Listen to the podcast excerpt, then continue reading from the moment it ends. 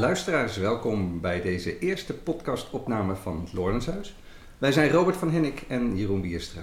En voor deze eerste keer hebben we de eer en het genoegen om te spreken met Justine van Lawik. Zij is vorig jaar met pensioen gegaan na een lange loopbaan als psychotherapeut, gezins- en relatietherapeut, oftewel systeemtherapeut. Zij heeft samen met Leo van Dijk het Lorenshuis opgericht in 1984. Dat is alweer bijna 40 jaar geleden nu. En dat is uitgegroeid tot een centrum voor systeemtherapie, opleiding en consultatie. Ze schreef talloze boeken en artikelen, alleen of samen met anderen. Is eerder lid van de NVG, maar bovenal altijd in beweging. Altijd nadenkend over de context waarin we leven en de impact daarvan op ons werk en andersom. Hoe we als systeemdenkers kunnen aansluiten bij de complexiteit van de huidige tijd waarin we leven. Innovatief, speels, creatief, gedreven, een bron van inspiratie voor velen. Justine besloot rond haar 70ste nog een proefschrift te gaan schrijven. Praktijken van hoop. Justine zit nooit stil, letterlijk en nog figuurlijk. Want ze besloot na haar pensioen een voettocht naar Volterra in Italië te maken. En heeft ook die inmiddels voltooid. Justine, woorden schieten tekort en we gaan graag met jou in gesprek. De opzet van de podcast is een kort gesprek, niet langer dan ongeveer 20 minuten. Wat fijn om hier bij jou thuis te zijn en uh, blij dat we met jou mogen starten. Robert, ja. nog aanvullingen? Ja, de Lorens Luister Thuis podcast, uh, deel 1. En we konden eigenlijk aan niemand anders denken uh, dan aan Justine. En nou, ja, heel fijn om het gesprek te starten. We, we, kijken, we hebben het een minuutje of twintig en we kijken waar we op uitkomen. Maar allereerst enorm gefeliciteerd, want je hebt je doctoraal gehaald. Hè? Je bent professional doctor in systemic practices. Je hebt gestudeerd aan de Universiteit van Bedfordshire in Luton.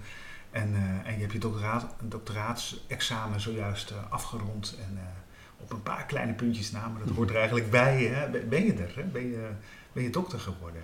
Ja, hoe, hoe, hoe, hoe is dat? Hoe, ik, ik, valt er iets van je schouders af? Is het, is het een, een soort opluchting? Of is het, ik kan me ook voorstellen dat je bent er zo mee bezig geweest... dat het misschien ook even, nou ja, misschien wel even verwarrend kan zijn... of een leegte kan zijn. Hoe, hoe kijk je daarnaar? Die leegte voel ik eigenlijk helemaal niet. Nee. Uh, bij mij gaan dingen altijd door. Ja. Dus uh, als mijn proefschrift begint bijvoorbeeld met een interview met mij toen ik 28 was. Ja. En het grappige is dat ik mezelf daar nog in herken. En ik denk, dat ben ik. En dat proefschrift heb ik ook helemaal op mijn eigen manier eigenlijk gedaan. Ik heb geprobeerd om echt een onderzoek te doen, een beetje op de traditionele manier, maar dat bleek ik helemaal niet te kunnen. Uh, en ik heb uiteindelijk ben ik gewoon weer, zoals gebruikelijk, mijn eigen weg gegaan. Ik heb gewoon mijn eigen dingen gedaan. Ik heb mijn eigen methodologie uitgevonden. Ik ben op mijn eigen manier dingen gaan onderzoeken. Ik heb wel veel meer begrepen wat onderzoek eigenlijk is. En dat, want er wordt vaak gezegd, systeemtherapeuten zijn eigenlijk al onderzoekers. Die onderzoeken wat er aan de hand is, wat de vraag is die tot ze komt, wat daar hypothesen over zijn, wat de hypothese bevestigt of niet en hoe je in samenwerking verder komt. Maar ik vind dat onderzoek doen toch een extra laag is. Dat het toch ook overstijgend is om te begrijpen, ja, waar, wat maakt nou eigenlijk dat het dan werkt? Of wat doen we eigenlijk waardoor het werkt of niet werkt? En die extra laag, daar heb ik veel aan gehad. Dus dat is nu erbij gekomen. Was misschien in aanleg al aanwezig, maar heeft veel meer aandacht gehad. En dat raak ik ook nooit meer kwijt. Dat is nu een deel van wie ik ben. Ja, mooi. mooi. Misschien is het goed ook voor de mensen die luisteren om iets te vertellen over wat, wat, was, wat was het onderwerp? Wat, waar, waar ging jouw onderzoek over? Waar, over jou? Ja, nou, ik dacht dat ik onderzoek zou gaan doen naar hoge conflictscheidingen en wat we daarvoor ontwikkeld hebben. En in het eerste onderzoeksweekend in Engeland, ik ben ook heel blij dat ik het in Engeland heb gedaan. Ik denk zo'n onderzoeksprogramma bestaat in Nederland nog niet, zou er wel moeten zijn. Um, werden daar vragen over gesteld, wat mij ook bevrijdde dat ik dacht: oh ja, ik kan natuurlijk alles gaan onderzoeken. Dat is ook gevaarlijk, want alles kan ook snel niets worden. Maar toen heb ik mezelf de vrijheid gegund om eens te kijken wat is nou een thema wat altijd terugkomt. Eigenlijk voor mijn gevoel al vanaf geboorte af aan, dat klinkt een beetje gek. En dat was toch het thema hoop. En daarom heb ik dat gekozen en daar ben ik ook heel blij mee. Dat heeft me ook wel heel veel opgeleverd. Om in mijn eigen leven te zien hoe belangrijk hoop is. Juist in wanhopige tijden. Ehm, en wat hoop eigenlijk doet, wat hoop doet voor mensen en hoe je hoop altijd moet verbinden met actie en dingen doen. Mhm. Omdat het anders niks is eigenlijk voor mij. Wat doet hoop, zeg je? Maar ook hoe doen we hoop? Hoe doen we hoop? En wat doet hoop voor mensen en hun relaties? En nu bijvoorbeeld in deze tijd, ja, deze podcast zal nog wat langer blijven bestaan misschien, maar we zitten nu allemaal nog te schudden van de uitslagen van de verkiezingen, die mij behoorlijk wanhopig maakten. Ook omdat het zo alles waar ik mijn leven lang voor geknokt en gevochten heb en me voor in heb gezet, voor mijn gevoel dan opeens weer helemaal onderuit wordt gehaald. Alsof ik op een matje sta wat onder me uit wordt getrokken. En niet alleen onder mij, maar heel veel mensen. Ik ben wel blij om in Amsterdam te wonen, want daar was de uitslag totaal anders. Hm. Ja. Maar ehm, ja, dan voel ik ook onmiddellijk weer, als ik me nu laat wegzinken in die wanhoop en alleen maar met mensen praten over hoe verschrikkelijk het is, dan versterken we het nog. Dan gebeurt er niks. Dus je moet altijd weer zoeken naar ja, dat kleine plukje hoop, zoals een gasprietje tussen in het beton. Moet je zoeken naar wat, waar is hoop en wat kunnen we doen om, om niet op te geven al die idealen die ik heb gehad en die ik nog heb. Die, ja, die in die zin is hoop doen, denk ik ook. Hè? Ik, moet hoop wel eens denken aan Friedrich Nietzsche had zo die uitspraak: eh, hoop is de vijand van actie. Als je blijft hopen, zijn we passief. Hè? Kunnen we wel passief blijven in tijden van nu. Ja. Maar je verbindt hoop ook heel erg aan actie. Ja. Wat, wat heb je in, wat ben je in je onderzoek dan op zoek gegaan naar, naar praktijken van hoop? Heb je het om je heen gevonden? Heb je, heb je zelf iets ontwikkeld wat je jouw hoop geeft, ook hoop anderen kan geven? Kun je, kun je daar iets over vinden? Wat zijn voorbeelden van praktijken van hoop? Ja, nou ja, praktijken van hoop, als je je ogen ervoor opent, dan zie je die overal. Mhm. Overal. En ik vind dat ook heel mooi om te zien hoeveel, tot hoeveel mensen ook in staat zijn. Ehm, ik weet nog dat jij ooit het filmpje liet zien over dat totaal dode stuk grond. Waar ze toen al die sinaasappelschillen op hebben gezet. Door twee mensen die dachten: laten we het gewoon proberen. We weten ook niet wat eruit komt. Dus op, eh, omdat daar heel veel. Dat is in Brazilië, geloof Volgens ik. mij is het Amazonegebied. Ja, Amazonegebied in Brazilië.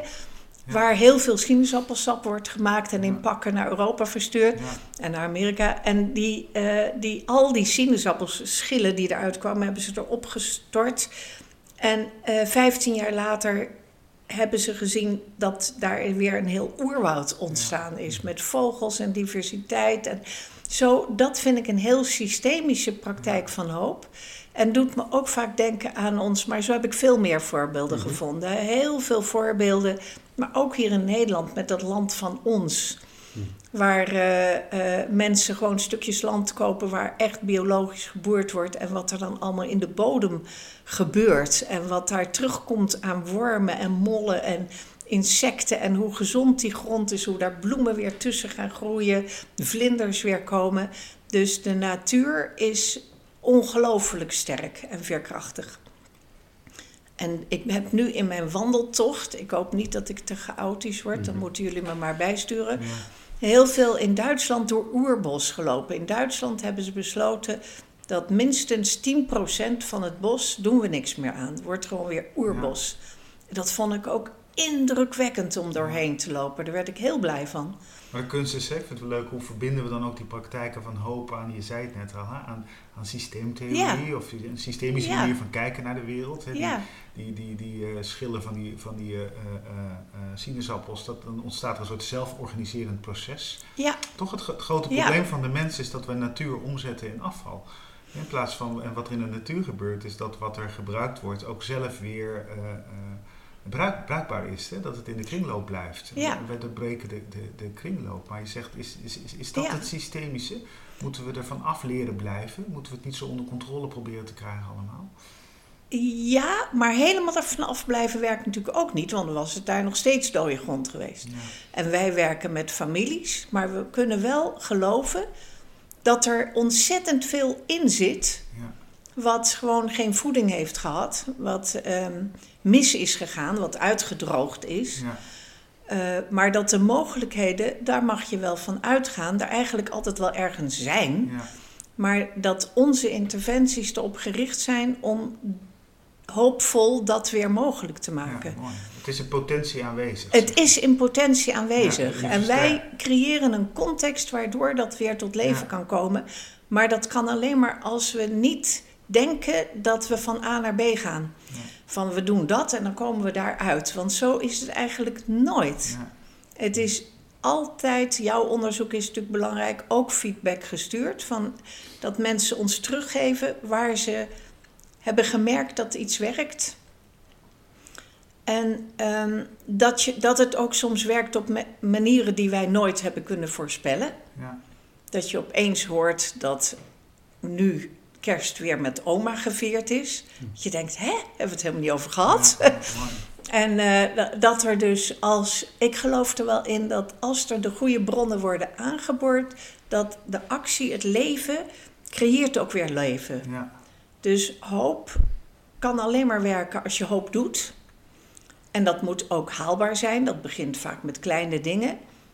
Um, en, en als dat dan werkt, dan vergroot het de hoop. En dat, dus dat zijn uh, zichzelf versterkende processen. Ja, mooi. En ik, ik geloof.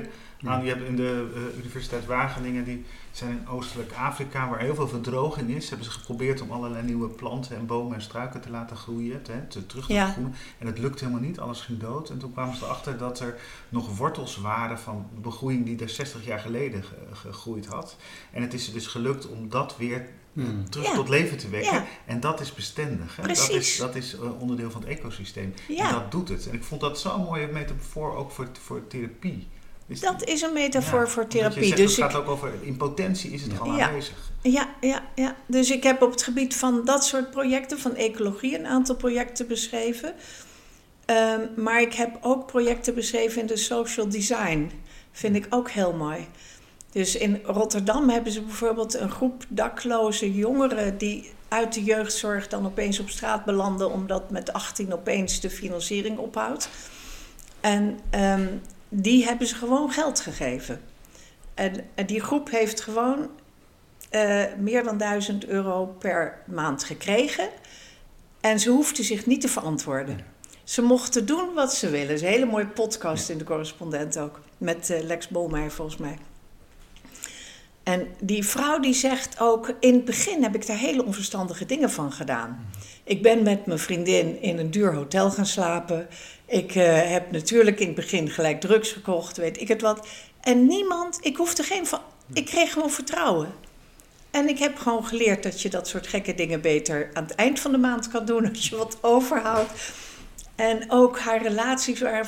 Nou, in ieder geval dat je denkt, dat vind ik ook zo'n mooi project.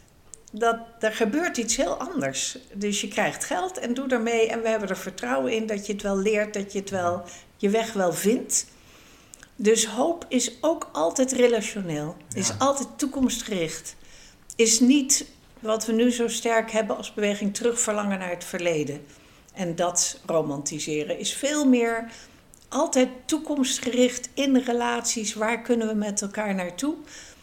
En er is altijd een verlangen naar, naar iets wat er nog niet is, maar wat wel kan zijn. En dat verlangen vind ik ook heel belangrijk. Nou ja, en wat in mijn onderzoek, omdat ik dacht, ja, ik geloof dat als we het erover hebben, begrijpen een heleboel mensen waar ik het over heb. De, koffie op dit moment. Ah. Hoorden we de koffieapparaat bij Justine thuis. Ja, ja die spoelt altijd even door. ik vertel het even voor de luisteraar die misschien denkt, wat gebeurt er? Ja, vertel verder. Ja. Nou ja, dat, dat ik toen dacht, um, kan, ik, kan ik ook om hoop altijd met actie te verbinden, een structuur um, bedenken die, die daarbij zou passen omdat ik ook wel een concreet mens ben. Ik mhm. hou ook wel van houvast. Ik mhm. hou ook wel van handvaten. Mhm. En, um, en toen ben ik op manifesten gekomen. En manifest is ook al voor mij iets heel ouds. Al uit mijn studententijd toen ik met de gekke krant werkte en de weet ik wat allemaal. Dus, dus manifest is voor mij ook een, een, belangrijk iets. En het mooiste vond ik, geloof ik wel, in mijn onderzoek, dat een manifest begint altijd met verzet. Begint altijd met wat je niet meer wil. Ja. En dat is wat natuurlijk bij Chaim Omer met het geweldloos verzet ook zo belangrijk is. Verzet maakt creatief. Ja. En dat hebben we volgens mij een tijd overgeslagen. We zijn zo bezig geweest met oplossingsgericht. Waar wil je naartoe? Het positieve, ja. uh, de mooie uitzonderingen, de, de, de, de waarderende vragen, appreciative inquiry. Al die positieve bewegingen, hoe belangrijk dat is. En we zijn het verzet en de woede vergeten. Ja, mooi, heel mooi. Ja, nee, dat, dat, dat, dat raakt me. Dat, dat herken ik ook heel erg. Want ook hoop wordt vaak alleen maar gezien als iets van positiefs. Hè? Waar, waar hoop, hoop, doet leven of zo. Maar ja. ik denk de, de, de ingewikkeldheid of de complexiteit, van de, of de complexiteit waarin we leven betekent dat we veel te winnen hebben. Maar uh, we hebben ook iets te we zullen ook dingen op moeten geven. Hè? Het gaat Absoluut. Ook, ja.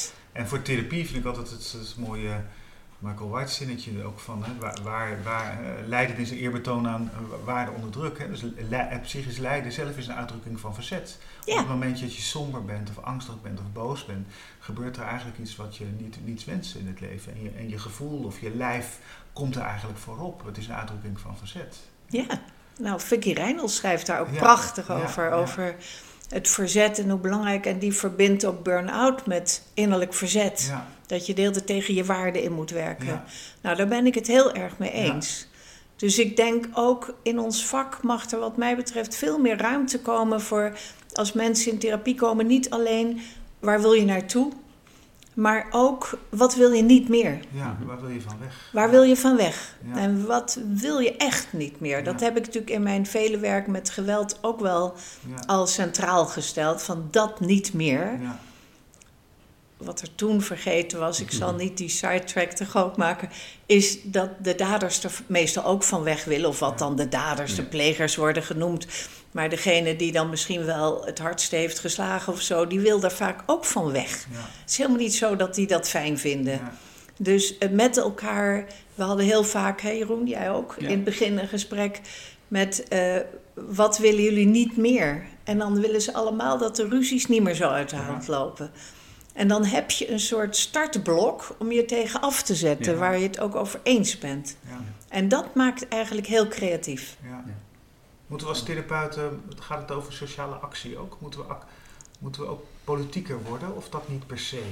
Ik, ik schreef zelf op de laatste tijd vanuit mijn verontrustheid over uh, alles wat er politiek gebeurde rondom de verkiezingen, uh, was ik nou ja, best actief op LinkedIn. Maar een aantal collega's spraken me daarop aan. Die zeiden van, ja, je hebt een verantwoordelijkheid als therapeut en, en een bepaalde mate van neutraliteit als er zoiets bestaat of zo. Van, wees daar voorzichtig mee, doe dat niet te veel. Wat, dat, dat gaat, kan therapie samengaan met sociale actie, ja of nee?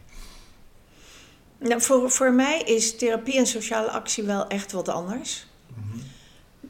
Maar wat voor mij wel belangrijk is, als ik zie hoe de uitslag van de verkiezingen mij heeft aangetast en mijn slaap heeft aangetast en mijn eetlust heeft aangetast, dan, dan denk ik, terwijl ik toch een behoorlijk sterk mens ben, denk ik, dan denk ik, ja, zijn we wel genoeg gevoelig voor hoe de omgevingsinvloeden, uh, ook zoals verkiezingen en alles, mensen aantasten. Ja. En, en wat dat allemaal betekent en alle klimaatangst, wat gaat er allemaal gebeuren, ook voor kinderen. Als je daar mijn kleinkinderen ook over hoort, oma, krijgen we hier ook oorlog? En allemaal dat soort dingen, dan denk ik, ja, dat kunnen we niet buiten de therapiekamer houden. Dat moeten we ook niet willen. Ja. En ik heb een hekel aan het woord neutraal. Ja, Heb ik echt een bloedhekel aan, want dat bestaat gewoon niet. En dat is fake. Dus we hebben het nog niet gehad over valse hoop, maar optimisme en neutraliteit en valse hoop hoort voor mij allemaal bij elkaar. Het is een hele andere wereld.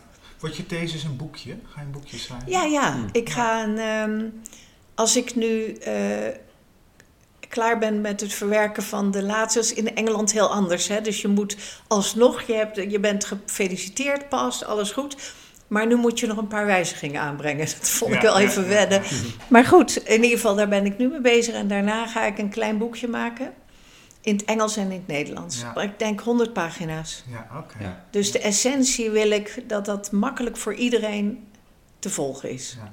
Was er iets, we moeten een beetje ja, richting einde, wat ik zin heb om heel lang door te praten. Maar, maar ik, ik, was wel benieuwd naar, hè, je begon eigenlijk met, met, je zei het traditionele manier van onderzoek doen past niet zo bij mij. Hè? En ik denk dat in sociale wetenschappen veel onderzoek gaat eigenlijk over bewijzen. Ja. En ik denk het onderzoek wat jij gedaan hebt gaat niet zozeer om iets te bewijzen, maar iets te ontdekken of iets te beschrijven of iets te exploreren of te verbreden. En zelfs, ja, maar zelfs, dat is dat mooie boek, ik weet niet of je dat kent, van uh, Ciliana Camargo Borges en Sheila McNamee. Dat, dat gaat ook over het uh, onderzoeken door toekomsten te creëren. Dat is een hele andere manier van kijken naar onderzoek. Ja. Dus met mijn manifesten, en dat, daar moet nog volgens mij nog meer mee gebeuren, maar daar creëer je toekomsten mee. Ja, generatief. Ja. Generatief. Schrijven voor de wereld die we willen of zo. Ja. Of, hè, hoe kunnen we In welke wereld wil ik wonen en hoe kan mijn onderzoek daartoe bijdragen? dat is een totaal andere manier van onderzoeken. Ja, Allerlaatste vraag. We weten ook, het zat in de inleiding ook al even, dat je, hè, dan, dan, ben je met alles klaar en dan denk je, ga je lekker uitrusten? Nee, Justine gaat wandelen van Amsterdam naar Volterra. ik, ik was dat, dat was de laatste vraag van, zitten nou, zijn dat gescheiden activiteiten geweest? Of hoe verhoudt dat lopen zich ook tot, tot het onderzoek wat je gedaan hebt? Of misschien wel het, het behouden of vertrouwen hebben in, in hoop, in uh, nou ja, Nederlands hoop in bange dagen, hoop in, in, in complexe tijden. Hoe, verhouden die twee zich tot elkaar? Nou ja, het lopen, het bewegen, alleen al dat mijn hele lichaam meedeed. Ik heb de idiote ontdekking gedaan na mijn lange voettocht dat mijn gehoor vooruit was gegaan in plaats van achteruit. Mijn zicht vooruit was gegaan in plaats van achteruit, mijn ogen. Ik heb niet meer de hele tijd een bril nodig.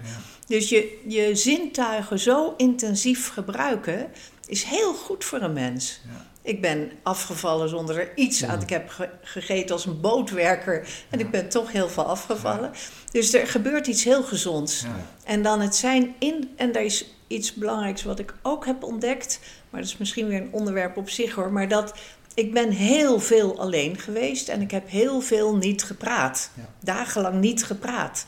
Ik kwam bijna in het begin, in het voorjaar, niemand tegen. Dan was ik, totdat ik ergens naar een herberg of weet ik het wat om te slapen, zag ik gewoon helemaal niemand. En ik vond het heerlijk. Ik heb me niet alleen gevoeld. En ik heb gedacht, het relationele wordt ook versterkt door alleen te zijn. Ja, mooi, heel mooi. En ik voelde me heel verbonden namelijk. Ja. En dat vond ik ook een bijzondere ervaring. Ja. Ja, ja mooi. Nou, dat lijkt me een prachtige... Ja, prachtig. Ik, ik vond het zo mooi, dat konden de luisteraars niet zien, dat jij spreekt ook met je handen. Toen het over hoop ging, was het, maakte je met je vingers en je handen al een kleine beweging alsof je het vast probeerde te pakken. En, en ook ruimte te scheppen voor hoop. Hè? Eh, eh, als je zei hoop gaat over wat je, nou, ook, ook wat je niet meer wil, maar ook, ook over een toekomst. Was, wees je ook naar de toekomst. Dat wilde ik hmm. nog even toevoegen, omdat het zo mooi is. Dat kunnen de luisteraars niet zien, maar je, je handen spreken. Hmm. Als het over actie gaat, kwamen je handen ook in actie. Hmm. Ja, mooi. 올라가셨죠?